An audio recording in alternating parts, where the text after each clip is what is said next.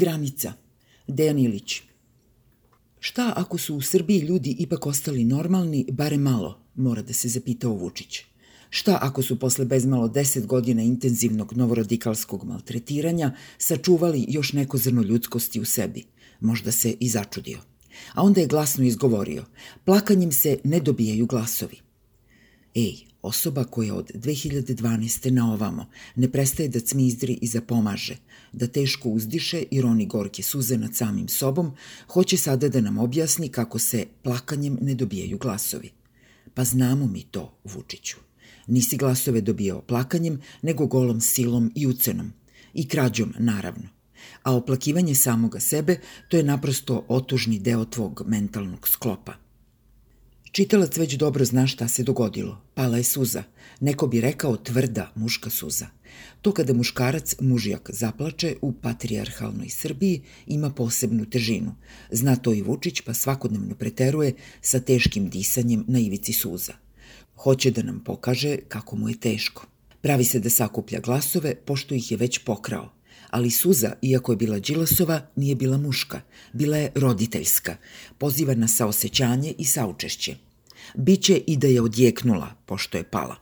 Podsetila je žitelje Srbije da su još ljudi, da su u stanju da razumeju potresenost i zabrinutost, da mogu da se identifikuju sa strahom koji se otrgao ispod besa. Šta će biti sa našom decom? To je moćna politička poruka. Ona kaže ljudi ste i zato što ste još ljudi strahujete za svoju decu. I pošto ste ljudi, uradit ćete sve da svoju decu zaštitite. Vučića ljudskost užasava. On ne ume sa ljudima.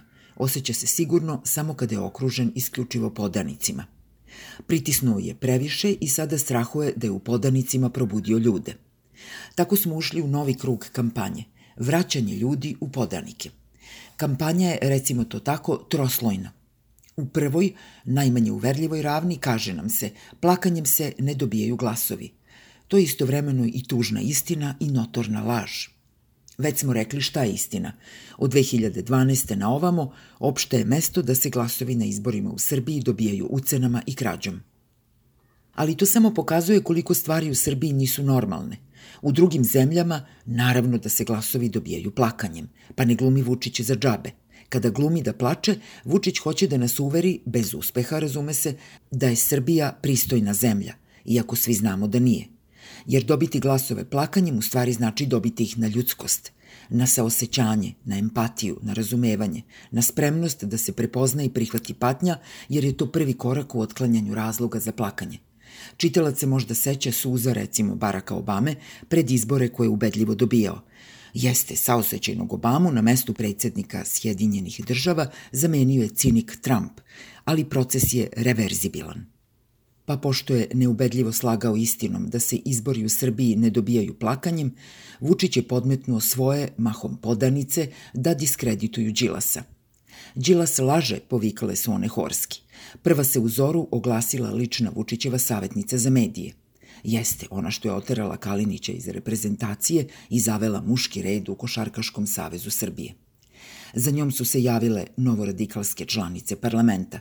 Sve one ponavljaju kako Đilas hoće da ubere jeftine političke poene i za to zloupotrebljava svoju decu. Za njih tri bio je to Đilasov stravičan performans – Stravičan zato što se prvi put vidi da roditelj lično zloupotrebljava decu u političke svrhe radi sticanja političkih poena. Čitalac treba ovo da pročita još jednom sa naglaskom na prvi put. Dakle, sada se prvi put vidi da roditelj lično zloupotrebljava decu u političke svrhe radi sticanja političkih poena.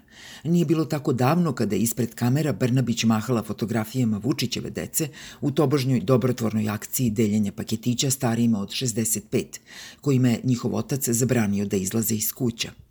Sandra Božić i Marija Obradović propustile su da sa zgražanjem tada reaguju, da se to prvi put vidi da roditelj lično zloupotrebljava decu u političke svrhe radi sticanja političkih poena.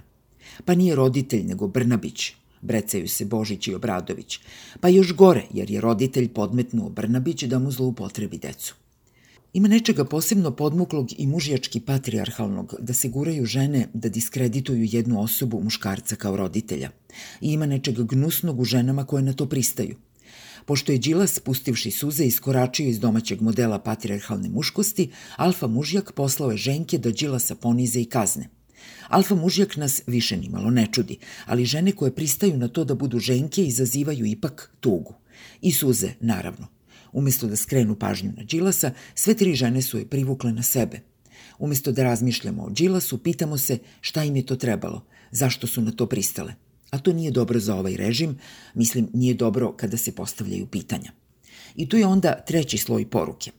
Šta, Đilosova deca žrtve? Pa otkud vam to? Moja su deca žrtve. Moja deca pate. Evo, moju čerku hoće da siluju, a mom sinu žele da dobije rak. I šta ćete sad? Ko je onda najveća žrtva? To takmičenje za žrtvu broj 1 i inače je omiljena Vučićeva disciplina. Ali ovde je zaista preterao i prešao granicu zbog koje bi svaki roditelj, a pored roditelja i doslovno svaki žitelj Srbije, morao da se zabrine. Da ne bismo tražili reči, pozajmit ćemo ih od novoradikalskih poslanica. Stravično je kada roditelj lično zloupotrebljava decu u političke svrhe radi sticanja političkih poena.